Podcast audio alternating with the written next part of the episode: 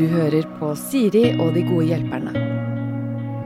Siri og de gode hjelperne, denne omgangen er eh, Agnete Huseby, som er da min gode hjelper, sammen med Siri Ablesen Østli, min gode hjelper. Velkommen begge to. Tusen takk. Allerede vært gjennom deres problemer. Vi har skjønt at eh, Siri har en datter på fire som er i rage-fase akkurat nå. Litt eh, sinneproblemer. som hun skal få lov til å leve ut i et hjørne. Det blir veldig bra. Det er jeg fram til. ja. Og Agnete som uh, lurer på hvordan du skal date, for du er ikke så uh, glad i Tinder, blant annet. Mm. Og fått noen råd på hvordan du skal åpne opp kanalene dine og, og drikke litt mindre alkohol. Ja, det er det. Og det ja. Og være litt mer på. Veldig Litt mer på. Ja, det er det jeg har skjønt, at jeg må faktisk gjøre noe sjøl. Vi skal eh, rett inn i et dateproblem. Her er det en som er litt mer på enn deg, Agnete. Så hun har ikke det samme problemet som deg. Hun skriver Hei. Mamma har en kollega på jobben som er i 30-åra. Jeg er i midten av 20-årene, som har funnet ut at jeg er, gans jeg er ganske interessert i han. Jeg har aldri møtt han, men mamma forteller så mye fint om han, og jeg har selvfølgelig stalket han på Facebook, og jeg ønsker å be han med ut. Men jeg er redd for at han vil snakke med mamma hvis jeg sender han en melding eller kontakter han. Det vil jo i verste fall bli veldig flaut. Jeg har sendt venneforespørsel, men han øh, godkjente øh, å følge han, hva nå enn det betyr. Jeg setter mamma i en ubehagelig situasjon siden jeg er interessert i kollegaen hennes, eller, og hvordan går jeg eventuelt fram? Jeg føler at denne mannen, han må jeg ha hjelp. Altså hun er forelsket, hun er 20-åra, forelsket i en mann i 30-åra hun aldri har møtt, kollega av mora. Hun, Ja. Og hun vil ha han. Ja, jeg tenker gun gønn på. Ja. Herregud, kollega. Det er moren din. Ja. Det, er jo, det går jo fint, det. Om han sier nei i så fall, så er det jo greit. Så trenger ikke hun å forholde seg til han. Ja. Jeg ser det bare fra hans perspektiv. Jeg Sånn, fy for så freaky med en sånn mail fra sida der som er dattera til en på jobben som Men hvis han er ung, og hun er jo bare noen år yngre, så er ikke det så rart. Det er kanskje ikke det. Jeg, ja, Men tenker du? venneforespørsel på Facebook er litt rart. Jeg ville heller spurt om å følge han på Insta, kanskje. Ja, hvis han har det. Det er ikke sikkert han har det. Nei, da er det verre, da. Må man ta den gamle, gode måten, holdt jeg på å si. Ja. Bli med den datteren bli med på jobb en dagen. Ha sånn bli med på jobben-dagen. Ja. ja, for jeg trodde du skulle foreslå at hun skulle bli med på årets julebord. Det er veldig rart. Nei, ha med datteren rart. sin på julebord. Hun kan jo eventuelt bare ta med lunsj til mora en dag, eller Ja. spørre om mora skal være med på lunsj, og komme innom kontoret litt før den Mm. lunsjen. Ja. Gå litt rundt i lokalet der, hente seg en kaffe, og så bare oi, ramle innom og si hei. Ja. Det kan jo, Da får du i hvert fall møtt fyren, da, før du tar risiko som hun åpenbart syns er litt ubehagelig. Ja. Sånn for å finne ut om han er et luftslott, eller om han faktisk er så bra som hun har bygd han opp til å være. ja. Eller så kan han alliere seg med moren sin og si Eller kanskje ta det videre derfra, da, at en annen kollega kan eh, sette han opp på blind date. På en måte. At han eh, ikke vet hvem det er. Hvis han er singel, da. Det må man jo vite først. Og at ja. han sier ja til det, og så er det henne som er med, og så får hun da møtt han og dratt på blind. Og så kan hun spoile for han og si OK, da, der jeg er datteren hennes, liksom. Ja, for jeg var nysgjerrig på om hun kunne alliere seg med moren sin. Altså, du trener med moren din, har et veldig godt altså, sånn Mhm. venneaktig forhold til uh, Ja. mammaen din. Uh, er dere så liksom nære på sånne ting at dere kan snakke om dating? Altså, er, snakker du med henne som om det var en venninne? Om jeg, sånne ting? Jeg gjorde ikke det før, men nå det siste året Ja. som jeg har begynt å Så jeg snakker om dating, jeg snakker ikke om noe videre derfra. Nei. På en måte. Men jeg har begynt å snakke om at jeg ha- har vært på en date, eller jeg har møtt eh, en fyr som var litt hyggelig, liksom. Men, og det syns hun er veldig hyggelig. Ja. Hun vil jo eh, det beste for meg, på en måte. Ja, Så for- det føler jeg, ja. Så hvis de har et sånn type forhold, så kunne hun involvert moren sin ja. Altså bedt hun kanskje fikse noe, eller? Jeg tenker Jeg også det er lurt å prøve å prate litt med mora, da. Ja. Fordi Absolutt. Uansett så kan man finne ut om det faktisk er et inntrykk hun har råd at han er en bra fyr. Altså mm. uten at man avslører for mye, men bare lese kroppsspråket, for Hvis hun snakker mye om snakker han, så vil jo det Vil jo tro at han er en bra fyr. Ja. Ja. Men det er jo veldig ofte det er motsatt. da At moren alltid sier sånn 'Jeg har en fyr på jobben. Han er perfekt for deg. Kan ikke dere dra på date sammen?' Det er jo litt mer vanlig at det går mer den veien, da. Men eh, ja, så det kan jo hende moren er helt med på å prøve å spleise de. Eller i hvert fall være nysgjerrig. Sånn, du, han kollegaen din, mamma, som snakker om hele tiden, jeg blir uh, reint forelska i han. Han høres jo helt fantastisk ut. Er han singel, han, eller? Ja, han er singel. Ja.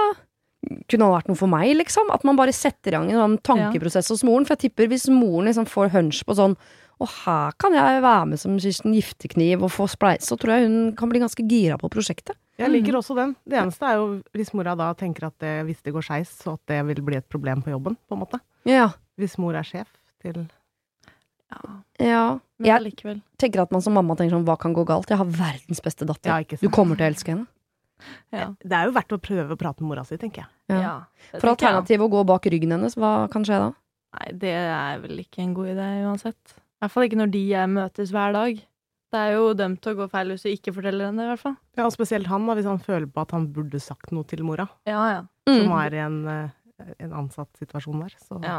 Det ville i verste fall blitt veldig flaut, sier hun. Da tenker hun nok på for sin egen del at det blir flaut. Ja. Men det kan bli fryktelig flaut også for mamma som faktisk jobber på det stedet hver eneste dag. Hvis det er sånn at han vet at du, hun datteren din driver og mm, stalker meg. Mm. Uh, og så tør ikke han å si det til henne, og så blir det kleint mellom de. Og så Ja. Tenker, du må jo også tenke på at det kan bli flaut for dem, som faktisk skal se hverandre hver eneste dag. Mm. Det er bedre å gå rett på sak og være forberedt på et avslag i så fall. Ja. Og så tar man det, men da kan man gå videre. Det tenker jeg ofte jeg er sånn Eller de siste da hvor jeg er blitt litt, bitte litt tøffere. Ja. Så er jeg sånn, ok, men det blir jo ikke verre enn at jeg Hvis jeg har lyst, men jeg ikke gjør noe med det, så er det jo bare at det ikke skjer noe. Hvis jeg har lyst og gjør noe med det, så kan det enten gå bra, eller så er det helt likt som det er. det er helt måte. enig. Jeg støtter den. Så Men- det er bare å prøve. Kjøre på, men at mor må være involvert på en eller annen måte. Ja. Ikke bak ryggen til mamma. Nei, ikke bak ryggen. Nei. Ikke Si fra, hør om hun kan hjelpe deg på en eller annen måte, og så er du direkte innom jobben med noe lunsj, Mm. knakka på døren og sier sånn 'Mamma har sagt så mye pent om deg, jeg måtte bare treffe deg'. Ja. Og du er jo akkurat så pen som mamma. Ja, nå spleiser jeg mora si med han fyren, ja. Jeg hører det. Ja. Må ikke spleise mamma og han fyren. Da begynner det å bli kleint. Det blir fryktelig vanskelig. Ja.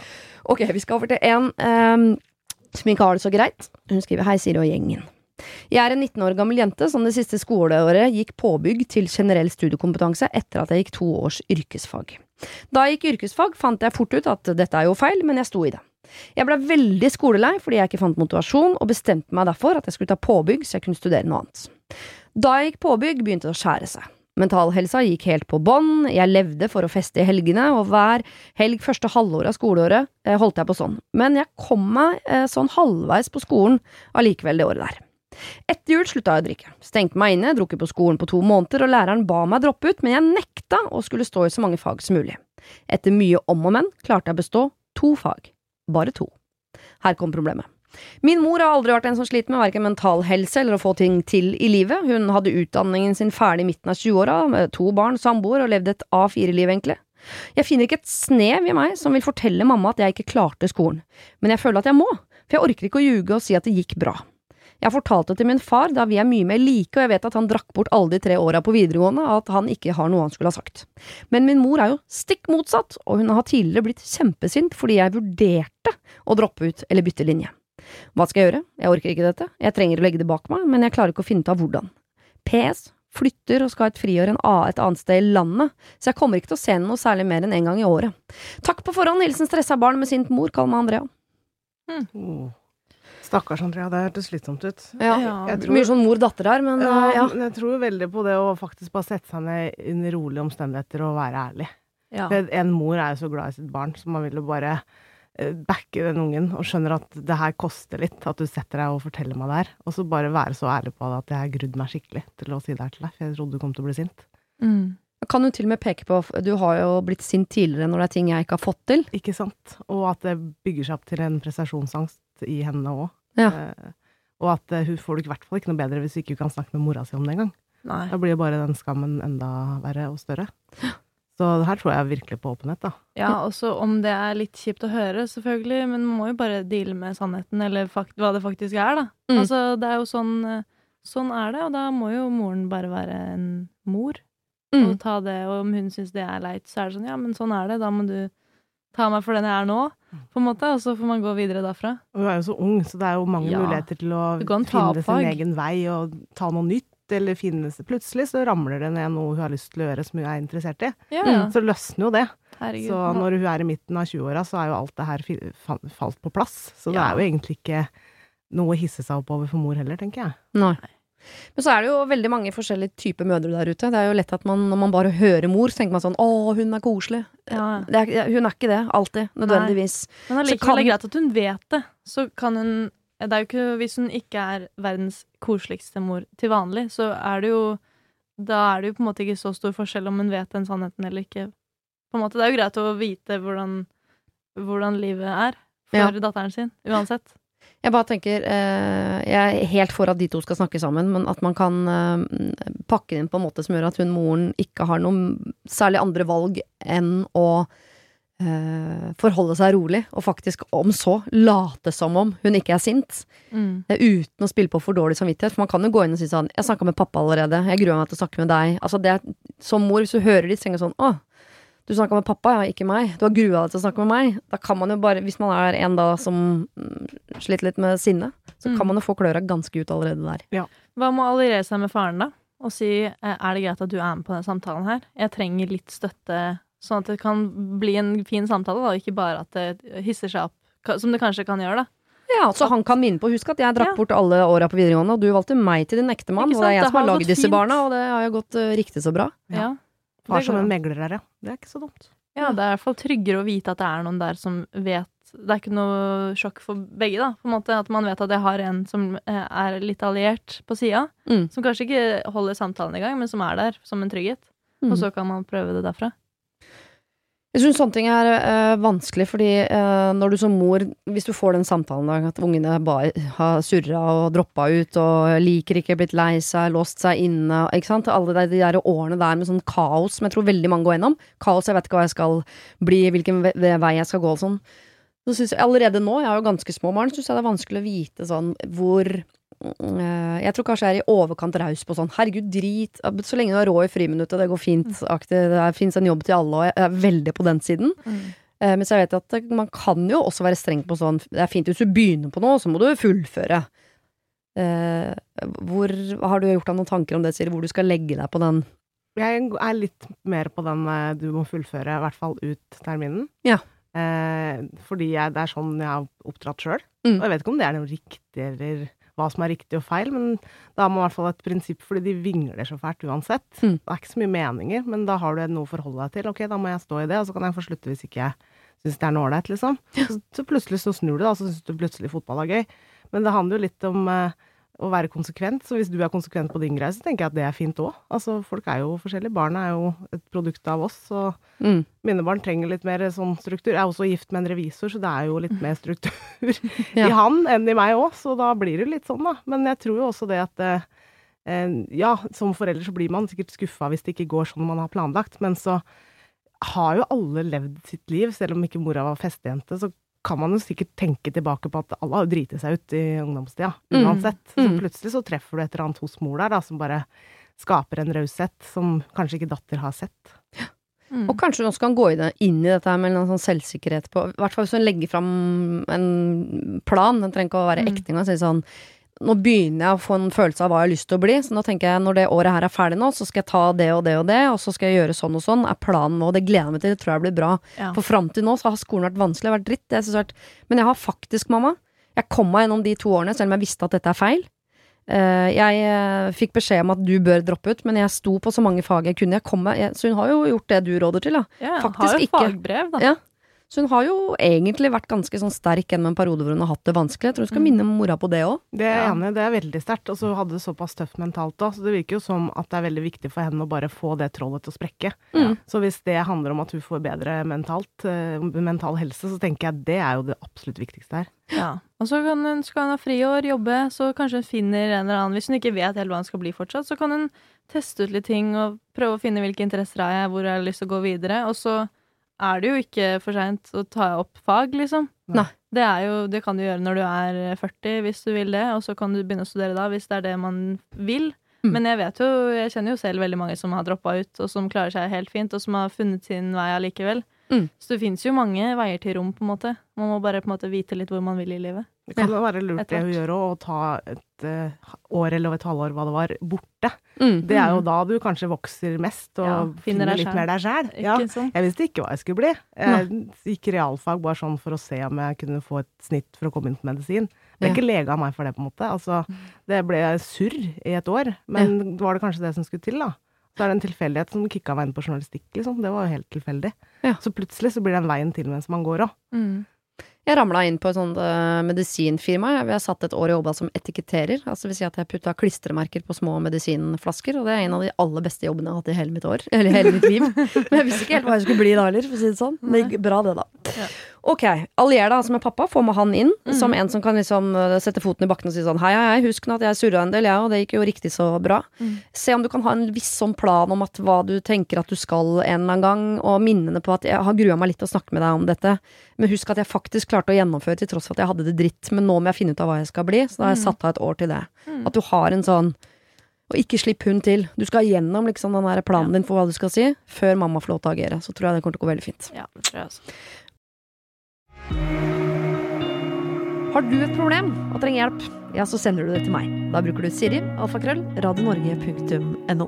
Vi skal over til et ja, eh, produsenten som jo står eh, litt for nærme nå, faktisk, Hanne, hvis du Nei da. Men uh, det er ikke så ofte vi diskuterer problemene på uh, forhånd.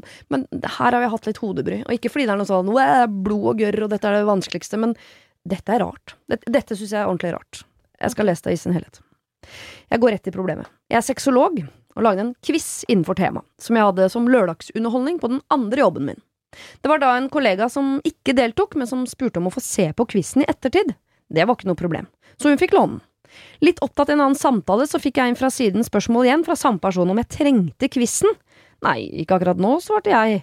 Jeg har i flere dager lurt på hva hun skal med den quizen som jeg har brukt lang tid på å lage, utforme og holde.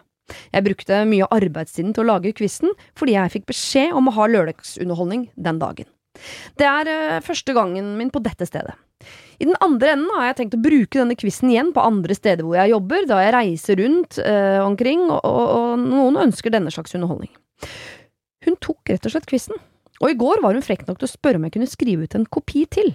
Jeg fikk sagt at jeg var nysgjerrig på hva hun skulle bruke quizen til, hvor hun da svarte at hun skulle vise den eh, hjemme til mannen sin. Men kopien skulle hun bruke som underholdning på nyttårsaften eller andre tilstelninger. What? Jeg ble helt målløs. Jeg klarte ikke å få sagt noe mer, jeg. Hva nå? Jeg har vel copyright på den quizen, eller? Jeg er egentlig ikke så konfliktsky og tenker at jeg må si fra her, men hvordan gjør jeg det? Jeg ønsker ikke dårlig stemning heller. Finnes det en annen måte å gjøre det på? Hva mener dere? Overreagerer jeg, eller? Kjør debatt. Med vennlig hilsen sexologen. Overreagerer ikke så frekt. Jeg er enig. Oh, ja. Herregud. Ja, du kan ikke bare rappe Da må du jo spørre, da, tenker jeg. Ja, og så fins det jo evig med andre quizer du kan rappe, som er Google-søk. liksom. Ja. Det her er jo Altså, jeg har lagd mye quizer sjøl. Jeg er ofte den som er underholdningsansvarlig på nyttårsaften.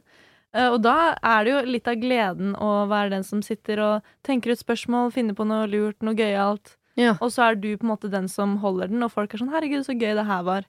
Ja. Og da er det jo veldig kjipt hvis noen andre skal på en måte ta hele den greia som man har på en måte lagt litt tid Både veldig mye tid, men også litt, eh, litt sjel i, på en måte. Det er litt dårlig gjort. Eller veldig dårlig gjort, syns jeg. Det er ikke overreagering. Det syns ikke jeg heller. Hvorfor Altså, hvis du har, du har laget en quiz, ja, du har brukt tid på den, og, og du har holdt den, og folk likte det, og det var eh, gøy. Skal man, er man så possessiv på det sånn 'Den er min! Den, dette- denne gleden forlater ikke dette rommet'. Men jeg tenker Jo, jo mer at, det er, at hun ikke spør på en ordentlig ryddig måte. Jo, Man Hun kunne jo bare spurt du, er det greit om jeg bruker den her blant vennene mine og låner den i litt sånne settinger, eller så hadde det her vært null, null Ja, problem. Hun fikk seg ikke noe utvei. Altså, det ble, var ikke noe exit fra den der, da. Det var jo bare 'jeg tar den, jeg'. Ha det. Det er den frekkheten i det som Ja. blir litt sånn ubehagelig. Det er jo litt sånn Føler deg overkjørt. Men kanskje hun eh, som bare har snappa den, og ja, kanskje vært litt frekk, da, ikke har tenkt over at å ja, du har laget den og selvfølgelig sittet og brukt masse tid og lagt stolthet og sjel i dette. Hun har tenkt sånn 'oi, gøy quiz! Den har jeg lyst til å holde!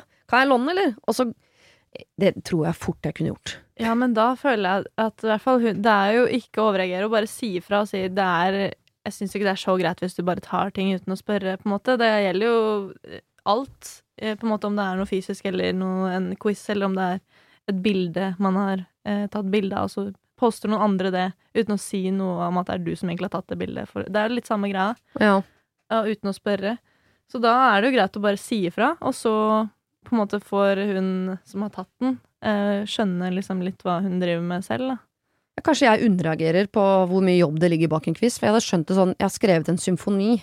Kult om ikke du legger den ut på radio som om den var din, eller Men jeg har laget en quiz om knulling. Altså hva Jo, men jeg tenker da kan i hvert fall hun eh, vite at uh, det er greit hvis du sier at det er jeg som har lagd den, eller at man ikke tar liksom later som Eller jeg vet ikke, jeg syns det bare er litt sånn frekt. Det er som å kopiere en annens skoleoppgave uh, og late som det er den selv som har skrevet den. Så er det sånn Det er en som har lagt inn mye jobb for å lage den greia her. Det bildet er jeg med på. Selv om det på en måte ikke går noe utover den som har lagd den også, da, hvis med mindre liksom at uh, man får noe plagiat. Men allikevel, da, at, at det er en som har jobba veldig mye, og en som bare tar cred.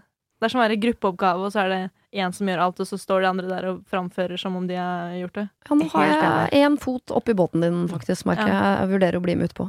Ja, for det er akkurat det. Det er respekten for andres arbeid, da. Ja, det er bare det. det. Det er ikke så mye som skal til, bare for å anerkjenne eller være litt høflig eller spørre. Ja. Det er bare den følelsen at du blir litt tråkka på. Ja, det er jo er mer det. At du blir litt kjørt over når du faktisk har lagt ned litt innsats. At det blir tatt litt for gitt. Er det det hun skal si? At si sånn, vet du hva, eh, så kult at du likte den quizen så godt. Jeg har lagt masse arbeid i den.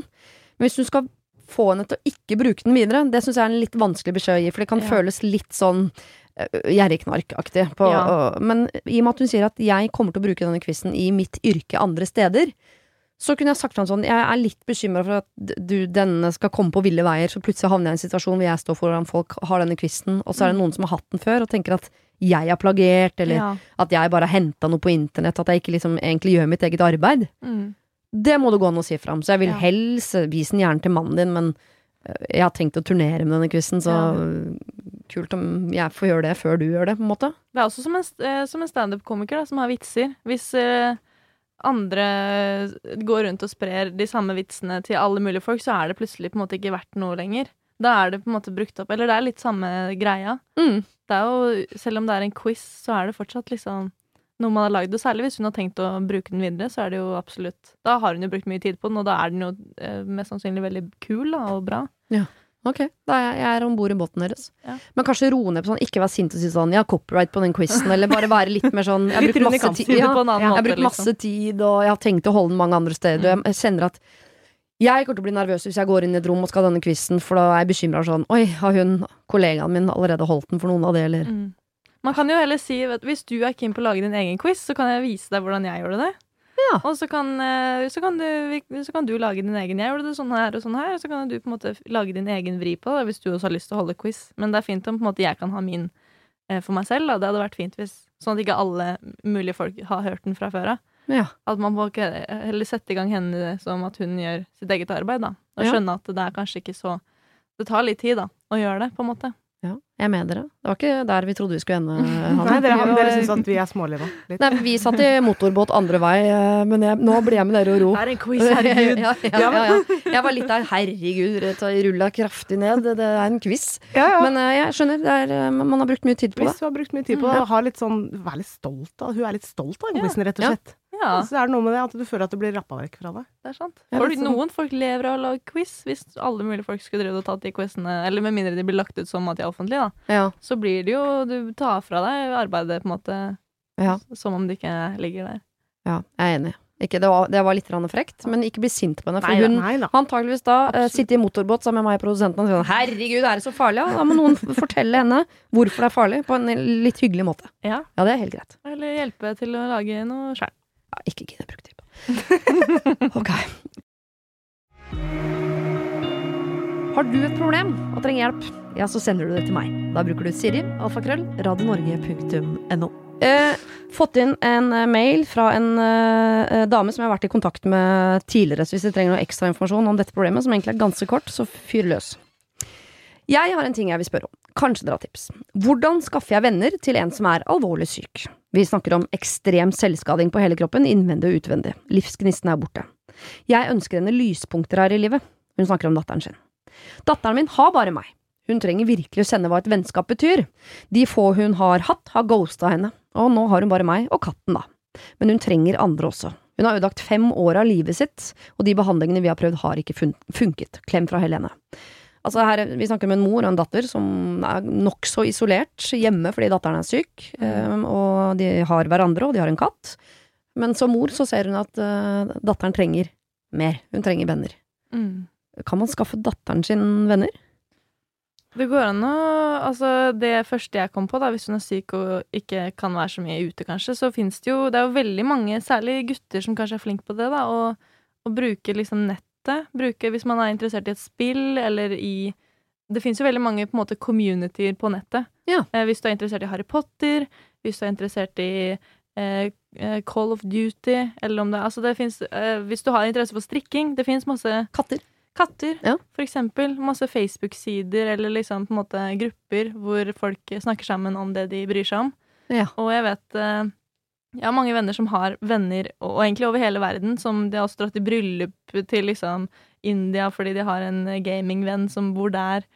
Eh, og at man eh, Det krever ikke på en måte så mye, det vennskapet, eh, sånn hvis du er syk, da. Det går lettere an å på en måte holde kontakten hvis det er over nettet. Og der er det i hvert fall Det virker som det er eh, mange som er helt Som er ja, glad i å få seg nye bekjentskaper. Ja, det er kanskje lettere å være åpen på nettet om de tingene man uh, sliter med, og at man Ja. kan i større grad da si sånn hvis jeg forsvinner i periode, så er det fordi jeg, det er faktisk det jeg gjør. Mm. Jeg har ikke overskudd til noe annet enn å bare overleve, så hvis jeg er borte i to måneder, så ønsker meg øh, velkommen tilbake med åpne armer når jeg uh, logger meg på igjen. Ja. Og skal ikke, jeg tror min generasjon, da, som denne moren representerer, er litt sånn internettvenner. Altså, Ja. vi trenger å bli slått Men, i bakhuet de med at det er venner. Ja, hun kunne tatt en samtale med datteren sin og tenkt sånn Ok, hva er det Du er liksom Hun vet jo helt sikkert hva hun er interessert i, da. Så hvis du ikke sjekka om det fantes noe noen, noen grupper på Facebook, eller om det finnes Det finnes jo mange andre steder enn Facebook hvor de har sånne grupper, da. Mm. Eh, som du kan melde deg inn i og på en måte snakke med andre som er interessert i akkurat det samme. Ja. For da har man på en måte en inngang, om det er Harry Potter eller om det er eh, noe gaming, så er det jo på en måte bare den felles tingen som gjør at man kan bli venner på andre plan også, da. Mm. Men det starter med bare en felles interesse. Så lenge man bare vet at det fins. For det fins jo av absolutt alt. Man må bare vite hvor de, hvor de er, og man må på en måte oppsøke det, da. Har du noen venner på nett, sier du? Ikke sånn Nei. på den måten, men jeg tror veldig på det i det tilfellet her. Jeg, synes jeg er veldig solgt på den ideen. Ja. Fordi jeg tror også det, hvis man ikke kommer seg så mye ut, så er det jo et veldig fint sted å begynne, som du sier, å bare varme opp litt og litt og litt. Mm, For alle har jo sine interesser. Altså, Ja, der ja. kan du virkelig finne noen for enhver smak. absolutt. Og Og da så kan man jo møtes live senere, er når man har det. overskudd til det. Mm. Ja. Jeg syns det høres veldig fint ut. Og så tenker jeg at det å på en måte få seg venner på nett er vel egentlig enda lettere og bedre enn å få seg kjæreste på nett. Fordi øh, kjæreste så skal du møtes i virkeligheten, og da kan jo skuffelsen komme inn, eller noen er kanskje veldig flinke til å skrive, men ikke så flinke verbalt, eller mm, Mens venner så har man ikke måte Er man jo ikke like kritisk til et vennskap som til et ekteskap, for å bruke Så det er ikke vennskap på nett. Det er klart det er det hun skal. Og så må bare du, øh, mor Helene, også da tenke at en venn på nett det, det, er en venn. Så man må ikke liksom tenke at å ja, har du bare internettvenner? For det tror Mm. jeg kanskje noen godt voksne kan tenke, men det må vi slutte med. også, ja. Men det er verdt mye. Jeg føler det er særlig for uh, unge gutter da, som kanskje ikke kommer seg så mye ut, eller som sitter og gamer. Jeg tror de vennene, eller de de faktisk De er jo sosiale ofte hele veien og snakker med folk eh, på øret. Og det er, jeg tror det er mye mer verdt enn det man skulle tro. Altså. At Mm. det, de deler på en måte noe Og så deler de av andre problemer i livet, samtidig som de på en måte gjør noe felles som de liker sammen. Og så jeg tror det er viktig, altså, at man ikke kimser av på en måte venner som man på en måte ikke er fysisk med, men som man er, ja, er med over nettet, da. Og så tror jeg man kan få masse selvtillit av det, å sitte og snakke med noen på nett som på en måte bare dømmer deg ut fra hvem, hvem du er eh, når man snakker sammen. Mm. Ikke noe liksom i hvilken kontekst du er, eh, hvordan du ser ut, hvordan du bor, hvem andre du har rundt deg. Det er bare liksom samtalen mellom oss to. Så den dagen man da eventuelt treffes, så tror jeg det vennskapet er altså så sterkt og kan tåle absolutt alt. Ja. Og Så, da kan man jo ja. også oppsøke noen som på en måte har de samme Hvis det er en interesse, eller hvis det er noe Hvis du er politisk engasjert, eller hvis det er Man er jo interessert i noe. Mm. Og det, på nettet fins det folk som er interessert i absolutt alt. Og det er bare å finne de. Mm. Og da har man på en måte allerede noen grunnsteiner som man Et vennskap, i hvert fall. Man trenger ikke å være enig i alt når det kommer til venner. Det er mange venner som har helt forskjellig syn på livet, men de er veldig enige om noen ting, da, så man kan på en måte snakke om én ting. Og da, ja, når man er venn, så kan man ha på en måte venner eh, som ja, hvis, det, hvis du er veldig interessert i si Harry Potter, da, så er det sånn ja, det her er Vi digger det sammen, og det er kult. Ja. Så det er en lett inngang, på en måte. For de er ikke så mye ute på ting og sånn. De Nei. kommer seg ikke ut i det hele tatt. Nei, fint lite. Ja, ikke sant. Mm. Da er, da er det en helt perfekt løsning. Ellers så tenker jeg jo at man kan oppsøke den type interesser ellers også. Sånn Ja, det går med også. kurs og klubber, og det fins jo noe for alt. Mm. Altså, Mm. Moren min har akkurat flytta til Oslo for to år siden. Kjente ingen her, bortsett fra oss. Så det er noe med å finne de stedene der det er andre i samme situasjon. Mm. Om det er en matklubb, eller altså Det fins jo sånne type kurs eller ting du kan ta, og så starter det der, og så blir man kjent med nye mennesker, og så utvides det. Og Så kanskje en venn av en venn der igjen inviterer til noe, og så baller det på seg. Mm. Men å starte med en interesse noe Man kan gjøre sammen med moren også. Ja. Og på matkurs, liksom, for eksempel. Altså, ikke at det nødvendigvis er noe for dem, men Nei. å finne sin greie. Ja. Så Og- der møter man jo folk med samme interesser, som også er veldig kontaktsøkende, har jeg opplevd, Mm. da. Og det fins også på en måte Jeg så en dokumentar om ME, som var på Netflix. Ja. Hvor det har blitt en del, altså De har lagd på en måte sitt eget community, hvor de snakker sammen fordi de har det til seg felles. At ingen kommer seg ut av seg Eller mange er, ligger i senga og på en måte kan ikke bevege seg så veldig mye. Men de har på en måte hverandre eh, fordi man er i samme situasjon. Da. Og det, Nå vet ikke jeg hvordan syk hun er, da, men det er garantert noen andre som er i samme situasjon rundt omkring, som Mm. også kunne trengt en venn. Bare, ja, og så tenker jeg at mor skal følge med litt også, så ikke man havner i et community hvor man Ja. drar hverandre ned. Ja, absolutt. Eh, Det tror jeg kan være lurt. Men at eh, hun skal få seg venner på nett, det er jeg helt overbevist om. Mm. Om hun treffer de eh, ute i den virkelige verden på et eller annet tidspunkt, ja vel, kanskje. I så fall er det eventuelt en bonus, eller ikke. Mm. Men enn så lenge så er det absolutt det hun skal gjøre. Mm. Mm, lykke til. Vi skal over til en som har dårlig samvittighet. Eh, her er det ikke så mye hun skal Hun har ikke tenkt å endre på noen av de valgene hun har tatt. Hun bare lurer på litt hvordan hun kan leve med den dårlige samvittigheten. Jeg har en søster som er eldre enn meg. Hun og mannen har prøvd å få barn i mange år, men uten hell. Etter prøverørsforsøk, eh, fem stykker, fortalte de alle og seg selv at det var det, vi kan være lykkelige bare oss to. Dette er nå mange år siden eh, de prøvde det siste gang, og jeg trodde de hadde falt til ro med situasjonen. I fjor ble jeg gravid, og jeg fødte for en måneds tid siden. Gjennom svangerskapet har jeg prøvd å være så sensitiv som mulig til hennes historie, men hun har oppført seg som om alt har vært bra. Så, for eh, noen måneder siden så fikk min mann et veldig attraktivt jobbtilbud i et annet land. Og vi bestemte oss for å hoppe i det og flytte til denne nye jobben. Men da jeg fortalte det min, til min søster, sa hun først ingenting. Så, neste gang, brøt hun helt sammen i gråt, og fortalte at min graviditet hadde vært veldig tøff for henne. Hun ønsket fremdeles å få barn, og hun hadde til og med hatt selvmordstanker. Hun har snakket med psykolog om dette og blitt bedre, men hun sa at det eneste trøsten hun har, var at nå får hun et tantebarn som hun kan være nære. Men nå som vi flytter, så mister hun jo både dette tantebarnet og søsteren sin. Jeg ble sjokkert, veldig lei meg, jeg har utrolig dårlig samvittighet, samtidig som jeg skjønner at jeg har ikke gjort noe galt. Jeg må jo leve mitt liv uavhengig av hva hun har gått gjennom eller ønsker. Når vi møtes nå, er det som om det er en enorm mørk sky som svever over oss, en tristhet, og vi prøver å unngå å snakke om flytting, selv om det er veldig vanskelig, ettersom det er det eneste som skjer i mitt liv nå, bortsett fra denne babyen, da. Hvordan skal jeg håndtere den situasjonen? Er det noe jeg kan gjøre for å gjøre hennes tristhet mindre? Skal jeg unngå for eksempel å sende babybilder til henne? Nei, skal jeg sende masse? Jeg setter veldig pris på å høre deres tanker om dette, med vennlig hilsen meg, som dere kan kalle Mia og min søster for Jenny. Hvordan skal hun opp? Hun skal flytte. Mm. Søsteren er kjempelei seg, og hun har sagt hvorfor. Mm. Er det noe hun kan gjøre med den Kan hun gjøre situasjonen til søsteren sin bedre? Masse, hva tenker du? Vi kan begynne med masse, eller få babybilder. Ha litt følelsene ute på det, Ja. og kanskje ikke for mye. Fordi at det stikker bare dypt og vondt. Men samtidig, det er jo realiteten. Det er livet hennes. Det er liksom trist, det òg, da. Mm. At du ikke kan dele det fineste du har, Mm. og det hun har lyst til å dele med søstera, men kanskje gi det litt tid. Mm. Jeg tror tid kanskje er nøkkelen her uansett. Og så vil kanskje den avstanden også gjøre at søsteren får tenkt litt og kjent litt etter, og så vil det her Hun vil gå gjennom sine psykologtimer og liksom komme seg videre også. Mm. Så akkurat nå når såret er mest åpent, så kanskje trå litt varsomt. Det går jo også an å høre med henne, da, og si hva det her skjer, hva, hva vil du helst at jeg skal? Vil du ha eh, mye bilder, eller ikke? Fordi jeg vil bare gjøre det best mulig for deg. Eh, eller også være åpen om at man ikke vet helt hvordan man skal forholde seg til det også, da. Ja. Det er fint. Og så tenker jeg prøve å lage, eller gi et eller annet inntrykk av at vi trenger ikke å gjøre den avstanden så stor, som for eksempel å facetime og sånn. La Mm. oss si at hver onsdag så facetimer du med, selv om babyen er eh, da bare noen måneder gammel, Mm. men noe med at man føler at man er delaktig i denne babyens liv, sånn at når de plutselig bor på samme sted igjen, så er det ikke som om det er en fremmed. Og Mm. kanskje de skal legge opp sånn, vet du hva, i oktober så kommer dere nedover en lang helg til oss. Ja. Til jul skal vi være sammen. At man legger noen sånne ganske mange sånne datoer utover som blir treffpunkt. Enten bare med de to søstrene eller med hele familien. Og, ikke sant? Så hun vet at Det er jo det jeg tror mange som besteforeldre sånn sliter med når barna deres flytter til et annet land eller en annen kant av landet eller sånn, og etablerer seg der. Mm. At de klarer ikke å etablere en relasjon til barnebarna, for eksempel. Eller tantebarna her, da. Mm. Men da må man jo finne de der treffpunktene, liksom.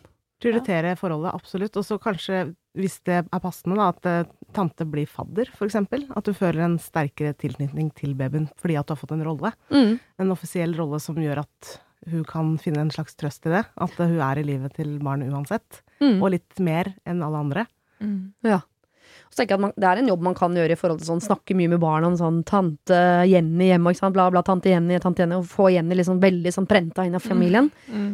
Samtidig som jeg tenker at Jenny også har et ansvar her. Hvis du vil være en del av et barns liv, så kan du ikke sitte på et gjerde og sutre og sånn «Nei, 'Jeg er aldri på besøk hos meg.' Du må, måtte, du må Ja. aktivt gå inn i det livet. Det det. Fordi de skjønner ikke.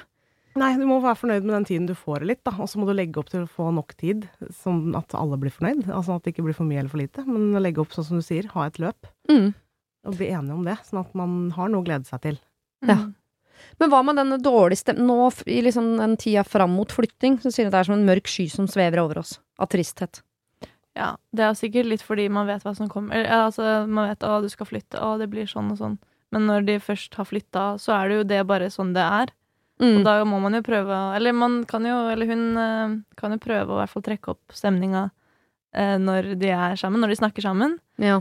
Og så prøve å ikke snakke om liksom, at ting er fælt eller vondt, eller eller prøve å tenke på de positive sidene, da.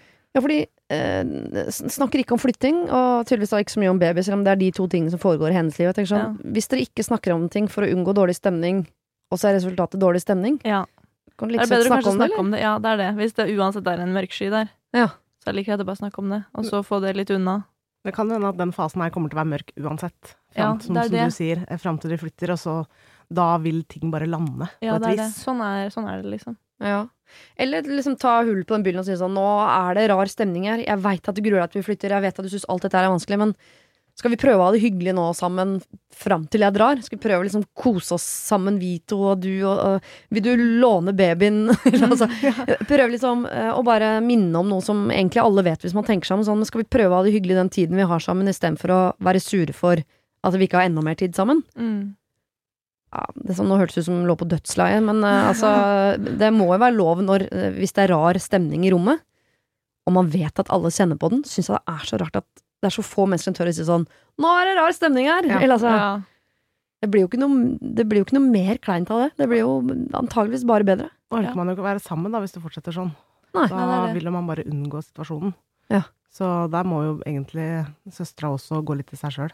Mm. ja, det ligger nok mye der. Mm. Det er Kanskje ikke dumt å fortsette med psykologtime, i hvert fall. Nei. Kanskje du skal minne søsteren din på at hvis hun er redd for avstand, så er det litt dumt at hun skaper avstand allerede nå som dere faktisk er nær hverandre. Mm. Så ja, jeg tenker her må ta hull på en del byller og lage en del planer i kalenderen, og bare sammen skape den der relasjonen mellom ja, tante og tantebarn, da, og dere to. Mm. Ja, nå ble det mørkt her på slutten. Uff. Og så kan han tipse om at det fins jo adopsjon går an, Det hvis hun har altså, lyst på barn. Eller så kan man være fosterforeldre. ja. Det fins jo muligheter hvis det, hvis det er liksom det eneste hun vil i livet, så fins det jo måter uten å få barn selv, på en måte ut av seg sjæl. Ja. På en måte. ja, det håper jeg de er klar over. Så jeg har vært gjennom mange runder med prøverørsforsøk, så tror jeg det har ligget noen brosjyrer et eller annet Mm. sted om de tingene der. Ja. Eh, jeg håper dere har hygga dere, selv om vi gikk ut på en sånn eh, trist stemning. La oss Ja. være enige om det. Men eh, tusen, tusen takk for veldig god hjelp. Veldig hyggelig å være her. Ja, kjempehyggelig. Så håper jeg dere får en fin høst. Jeg vet at dere skal mye spennende begge to. Og så kan vi snakke om det en annen gang. Mm. Ha det! Ha det. Det var det. Husk å sende ditt problem til siri at radionorge.no om du vil ha hjelp. Denne podkasten er produsert av Klynge for Bauer.